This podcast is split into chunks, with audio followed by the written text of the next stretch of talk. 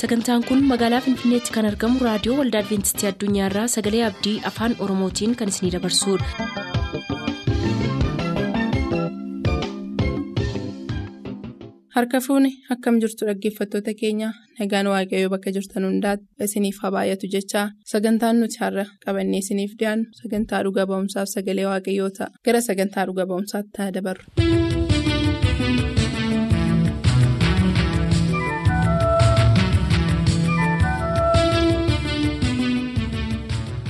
Gooftaatti kan jaallatamtan kabajamoota hordoftoota keenyaa sagantaan dhuga ba'umsaa torban torbaniin gochaa waaqayyo namootaaf godhe isiniif qabattee dhiyaachaa turuun isheen yaadatama maarree obbo abdii isaanis erga turtii isaanii wajjiniin gochuu jalqabaniitii torban torba kan dabarsine yommuu ta'u har'a immoo kutaa saddeettaffaaf isa dhumaasaa qabannee dhiyaanneerraa isinis nu waliin tura.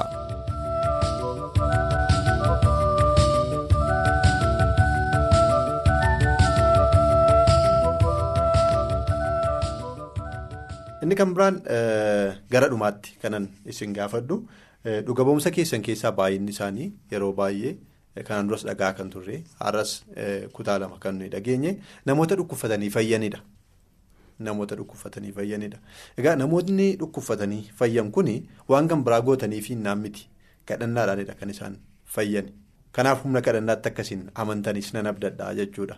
Maaliif jecha keessan keessatti irra deddeebitanii anaaf. Waan kan biraatu hin ta'in kadhachuudhaan wanti kan hundumtuu naaf taa'ettanii akkasiin amantan nutti himaa turtaniittu. Kanaaf yoo jaalala keessan ta'e ammoo wanta isin gaafachuu barbaadu dhaggeeffattoota keenya baay'eetu jira reediyoo keenya yeroo caqastanii dhageessu jedheen abdadha.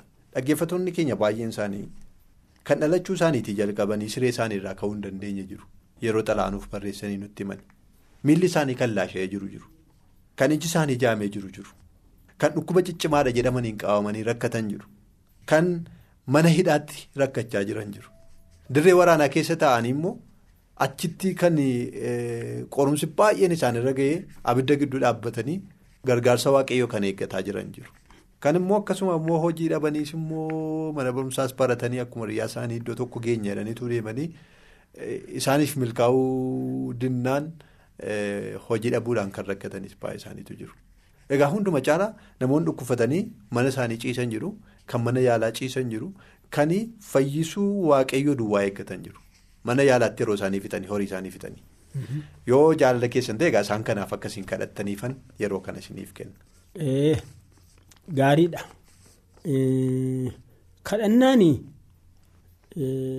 amantii wajjin jarri sun hin amanu yoo ta'e namni kadhadhuuf hin amana yoo ta'e kiristoos na fayyisa jedhee kiristoosiin. Abdii irra kaata yoo ta'e hin fayya. Hin fayya. Yeroo tokkotti akiimiittan warra koo geesse. Warri kee kuni sukkaara bajitaa qabdii? Hin fayyituu jedhe doktoriin. Haa ta'uun jedhe. Maal jechuudha ree jennaan? Gali homaa hojii hin qabu jedhan waan mi'aawu kanaa shabookaa waan garaagaraa ba'an nyaatinedha jennaananii. nan gale. Galee jennaan dhaqa foon bitaa jette foon maalii nyaattaa foon maalii nyaattaa soogidda malee yoo nyaatanii innoo nyaatiin jedhe akiimii nootiin jedhe anaaf naaf dikaatte hin nyaattaa ee? Ayi lakkii utuu ilaaluu siin kennu. Ayi naafis siin jedhee raam jette. Yoo isheen duute jara naa kuni seenaa mana taa'ee dheetan naqee bitee fide bitee fidee nan kenneefi an nyaattee sakaan immoo bulluqatti naqaa innee. oo duutessa duutu of fayyitessa fayyitu jedhe waaqayyoon fayyise. Dhukkuba sukkaaraa hin dafee kan nama dhiisu qorichuu hin danda'u waaqayyoon fayyise gaafa ni lammaffaa dhaqu haati manaa kee gaafachaa tan taate naan hin fayyitan jedhe maaltu fayyiseedhaan hin fayyitan jedhe waaqayyoon fayyisee waggaan sun tureera. Guddaa ta'uudhaa baate waggaadhuma shantaman ta'a. Ergasii. Waaqayyoo gargaaree. Waa'een dhukkuba sana keessa hin jiru malee. Lammaffaa lafaan kaane. Keessa hin jiru hin bade. Waaqayyoo yoo isatti amanannee amanannaadhuma kooti kiristoos asuma jira jennee innaa isa qabannee waaqayyoon nu fayyisa. Haa ta'uudhuma hin kadhannu inni na fayyisa innee kadhachuun nurra jiraata. Gassinniisu innee wayyaa isaa harkatti marannee qabachuudha amantiidhaan Kanaaf nummoo amantiidhaan wayyaasaa tuqnaa. Amantiidhaan itti buunaa. Mee isaaniif immoo hin kadhannaka hin kadhannammayyuu. Jaallatama abbaa keenyaa. Waaqarra kan jiraattu. Waaqa abbaa araaraa gooftaa gaarummaa guddaa. Yeroo kan akka nutti dhiyaattuuf si kadhanna. Iji kee inni fagootti argu. Addanatti nu haa ilaalu. Akkasumas immoo obboleettotaaf obboloota dhukkubsatan. Dhukkuba adda addaatiin warra qabaman dhaqna isaanii keessatti dhukkuba sana haa ilaalu. Dhukkuba sana keessaa haa baasu. Cubbuu isaanii isaaniif dhiisi. Obboloota kana obboleettota kana gooftaa ulfina keef kan hin taane yaada hadhaa waan si dura isaan hin dhaabachiifne isaan keessaa baasi. Dhukkuba isaan keessaa ifadhuu baasi. Dhukkuba sariidhaan dhufe ati hin dandeessa gooftaa isaan keessaa baasi. Dhukkuba abbaan ofitti fides. Garbichi kee qaayili akkuma jedhe. Cubbuun dhiifama hin qabneen hojjedheedhe abbaan isaa kan hojjete addaam kan hojjete irratti cubbuu hojjeteera obboleessa isaa ajjeesuudhaan. Nus immoo balleessaa goonee hundumaatiif si kadhannaa nu gargaare. Ulfina keef kan hin taane nu keessaa balleessi akkasi galateeffannuufis dhukkuba kana nu keessaa balleessi obbolootaaf obboleettota keessaa balleessi humna keessa durii deebisi humna keessa laashaa kaasu deebisi. Humna keessa gooboo qajeelchu deebisi. Adventistii keessatti humna guddaa hojjedhu. Gooftaa siinsi amananna. Humna keessa guddaa kottu waldaa kee keessa kaayi.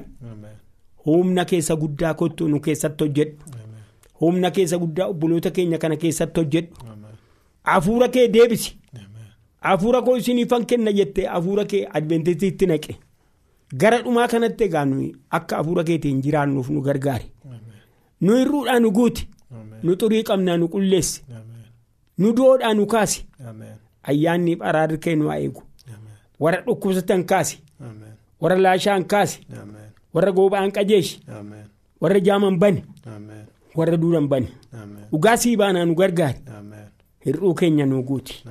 Maqaa isatti nu jaallattu ilma kee yesuus jaalala kee ta'u. Ameen. Gaan kabajamoota dhaggeeffattoota keenyaa sagantaa dhuga ba'umsaa qabaachaa turretti akka nu waliin turtaniif akka itti gammaddan irraas akka barattanii ofii keessaniis amantii keessan waaqayyotti qabdan akka ittiin cimsattan abdachaa gara istuudiyoo keenyaa dhufanii fedhiidhaan dhuga ba'umsa qaban kana kan nuuf dhiyeessaniif akkasumas dhaggeeffattoota keenyaaf kadhannaa kan godhan obbo Abdiisaa Dheeressaatiin guddaa galatoomaa. Waaqayyoon haa eebbisu isaaniin jenna. Hin abdanna dhuga ba'umsi isaanii ammas kana duwwaan ta'u gara fuulduraattis yoo waaqayyo nu gargaare waan waaqayyoo harka isaanii irratti godhe deebifnee isiniif hin dhiyeessina. Isaanis dhufanii dhugaa ba'u inni abdanna. Isinis turtii keessan wajjin waan godhattaniif waaqayyoon haa eebbisu. Dhuga ba'umsa qabdan isinis nuun gahaa isiniin jenna. Turtii gaarii.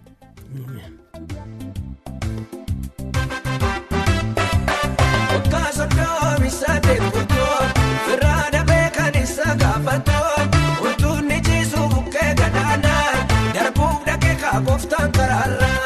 Itti goreetu isa gaafatee Isheen darbineem garaa jabaatee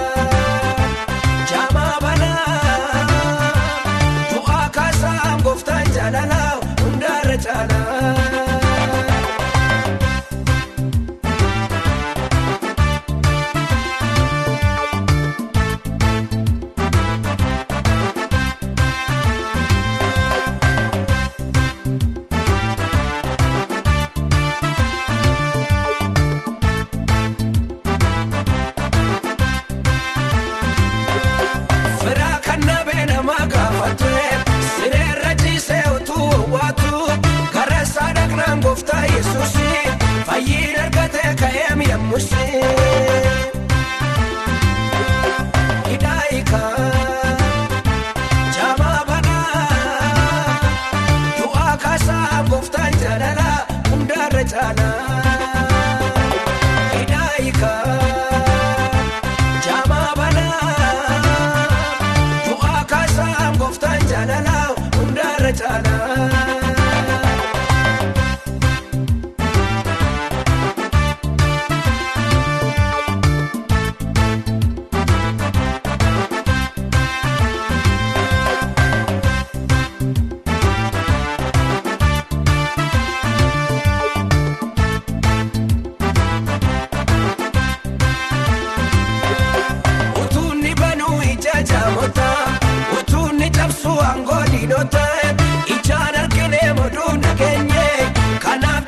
jechuun immoo dandeenye.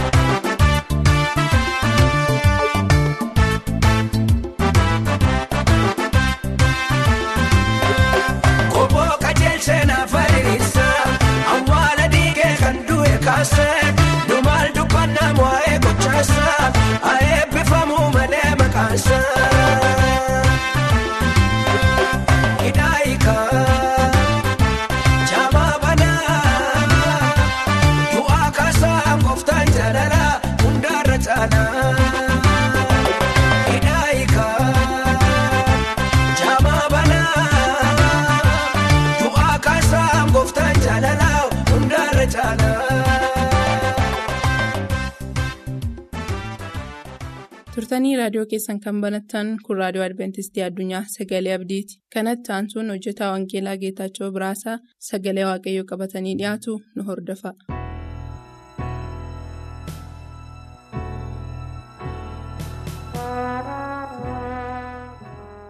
Akkam jirtu dhaggeeffattoota raadiyoo adventistii addunyaa? Nagaan waaqayyo waaqa jiraataa isinii wajjin haa ta'u bifa kanaan deebinee akka wal agarruuf iddoo jirruuf jiruuf jireenya keenya hundumaa keessatti waaqayyo waan nu gargaareef galanni waaqayyoof haa ta'u jecha har'as mata duree galaana sana inuma ceena kan jedhu jalatti isa kan fakkaatu mata duree arfaffaa qabannee dhiyaannee jirra mee gara barumsa keenyaatti utuu hin darbin sagaleen waaqayyoo sagalee kana akka nu ibsuuf dubbii kana akka nu ibsuuf. warra dhaggeeffannus ta'e warra dubbannus waaqayyo karaa hundumaaf haala hundumaa akkatti nu gargaaruu fi waaqayyoon hin kadhanna. Abbaa guddaadhaaf amanamaa qulqulluuf tolaa araara qabeessaaf ayyaana qabeessaa abbaa keenyaa bakkaaf lafa jirru hundumaa keessatti yaa waaqayyo gooftaa gargaarsi kee gargaarsi waaqayyo maccaan wajjin ta'e baanes galles hojjennes barannes wanti nuyi goonuuf raawwannu hundumtinuu gargaarsa keetiin ta'e. lafa kufnees nu kaaftee bannaanis nu barbaaddee ayyaana kee nuuf baay'iftee namoota har'a ga'an waan nu gooteef si galateeffannaa ilma kee gooftaa yesus kiristoos nama naazireetiin galanneef ulfinni guddaan siif haa ta'u yeroo kana immoo yaa waaqayyo mata duree irratti dubbachuudhaaf jenne dhaggeeffachaa jirru kana keessatti afuurri kee qulqulluun nu gargaaruudhaan dubbii kanatti jajjabina boqonnaa tasgabbii akka argannuuf yaa waaqayyo gooftaa.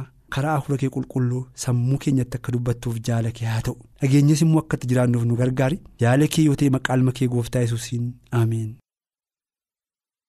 Mata dureen keenya har'aa immoo kan inni jedhu galaana cubbuu yoo ta'e iyyuu inuma ceena kan jedhu abdii nuuf kenna. Galaana cubbuu yoo ta'e iyyuu inuma ceena kan jedhu abdii nuuf kenna. Har'aa galaanni cubbuu nu sodaachisaa jira biyya lafaa kana keessatti. Nu naasisaa jira. Garatti gorruuf maaliin dhiyeessaan akka deemnu kamirra akka baanu yoo maal goone mo'uu akka dandeenyu galaanni cubbuu naannoo keenya buufatanii jiran biyya lafaa kana irratti wantoleen hojjetamaniif dalagaman hundumtinu akkanii dubbii waaqayyoo hin jiraanneef akka nuyi sadha jiraannutti dhageenyatti immoo hin eebbifamneef kan yaada keenya hatan kan qalbii keenya hatan kan nagaa keenya saaman kan tajaajila keenya saaman kan kadhannaa keenya saaman akka nu jilbeenfannee kanneef illee jilba keenya kan nyaatan nagaa kan nu dhoowwatan mana keenyaaf jireenya keenya kan jeeqan bifa adda addaa jijjiirratanii gara jireenya keenyaa kan dhufan bultoo keenya kan dhufan. haalaaf dhimma keenya hundumaa keessatti akka nuyi sammuun keenya itti boqotee hin hojjenneef kan godhanii wantoleen baay'ee jiraachuu hin danda'u. Kanaaf har'a yoo maal goonee dharee galaana cubbuu kana ce'uu yookaanis mo'uu kan nuyi dandeenye. Mee seenaa saba Israa'elaa yaadan iddoo kanatti sabni Israa'el waaqayyo karaa Musee biyya Misirii erga dhaqee isaan baasee booddee karaa gammoojjii isaan keessa deeman keessatti waaqayyo gargaarsa guddaa isaan gargaaraa ture. Waaqayyo gargaarsa isaan gargaare keessatti wanti baay'ee nama dhibuuf nama dinqiisu keessaa waggaa afurtama kana keessatti wayyaa isaan uffatan irratti hin dhumne kophee isaan kaa'atan irratti hin dhumne hin haphanne waan nyaatan hin dhabne waan dhugan hin dhabne dheebonnaan bishaan isaaniif dhiyaate beelofnaan waaqayyoo nyaata isaaniif qopheesse aduun isaan gumnaan waaqayyoo duumessaan qabbana isaaniif kenne halkan itti dukkanaa'ee akka itti hin qorrineef waaqayyoo konkolaataa abiddaa isaaniif erge. karaa hundumaaf gammoojjii isaanii hundumaa kana keessatti waaqayyo isaan gargaaraa akka nutti argina. Kuna jiraatu iyyuu malee sabni kun ammas utuma deemanii galaana diimaa bira ga'anii galaana diimaa bira ga'anii yommuu isaan naasuun adda addaa sodaan adda addaa isaan qabatee argina. Galaanni diimaan dura isaaniitiin guutee jira dudduuba isaaniitiin immoo loltuun fariyoon waltumsanii dhufaa jiru meeshaa guutuu qabatanii jechuudha. Garaa garana isaanii immoo kan jiru tulluudha gaaraa garatti baqatan hin jiru. Yeroo kana yaaddoon isaan qabate museedhaan maal jedhanii yaa musee maal si goone lafatti owwaalamnu dhabnee biyya misir keessaa maaliif nu baaftee gammoojjii keessatti nu fixxa waaqayyo achi nu baasuunsa akka nu iddoo kanatti duunu barbaade ta'a malee waan biraan miti. Kanaaf utuu achitti duunee ta'e nu wayya jedhanii isaan gungumanii museen maal jedhe? Seera boqonnaa kudha afur. Keessatti yommuu dubbifnu museen wanta abdii namaaf kennu wanta nama jajjabeessu wanta nagaa nama sammuu namaatiif qabbanaaf nagaa kennu tokko iddoo kanatti maal dubbate? Yaa saba nana ittiin jedhe yaa saba nana rakkina har'aa argaa sodaa har'aa argaa ilaalaa jirtan kana rakkina har'aa ilaalaa jirtan kana lammata deebitanii wanta nagarreefi lammata deebitanii loltuu kana iji keessa wanta hin argineefi jabaadhaan sodaatinaa waaqayyoon dhaabadhaa ilaala. Waaqayyo irraa isiniif saba kana gidduutti dinqii guddaa godhaa jedhee yommuu inni abdii guddaa isaaniif kenne isaan argina. Waaqayyo isiniif lolaa yommuu inni jedhee argina. Waaqayyo isin ceesaa yommuu inni jedhee argina. Waaqayyo diina keessan immoo galaaniin akka isaan nyaataman godha. Saba isin sodaachisan kana saba isin naayisan kana lammata akka isin deebitanii ija isaa keessaniin hin agarre isin godha waaqayyo yommuu inni jedhee argina. Har'a galaanni cubbuu nu sodaachisaa jiru maayini? Maal fa'i rakkinni keenya? Maal fa'i sodaan keenya? Waaqayyo itti dabarsineerra waaqayyo itti dabarsinee ilaanneerra waaqayyo irratti moosifneerra waaqayyo akkuma galaanicharra deemaa dhaqee bartoota galaana sana akka hin nyaatamne isaan godhee har'as galaana cubbuus ta'e galaana rakkinaas ta'e galaana dhiphinaas ta'e galaana yaaddoo jireenyaas yoo ta'e irra deemee dhufeetu rakkina keenyarra sodaa keenya irra deemee dhufeetu waaqayyo ba'aa keenya nurraa cabsa maqaan waaqayyo galateeffamu kanaaf dhaggeeffatoota keenya.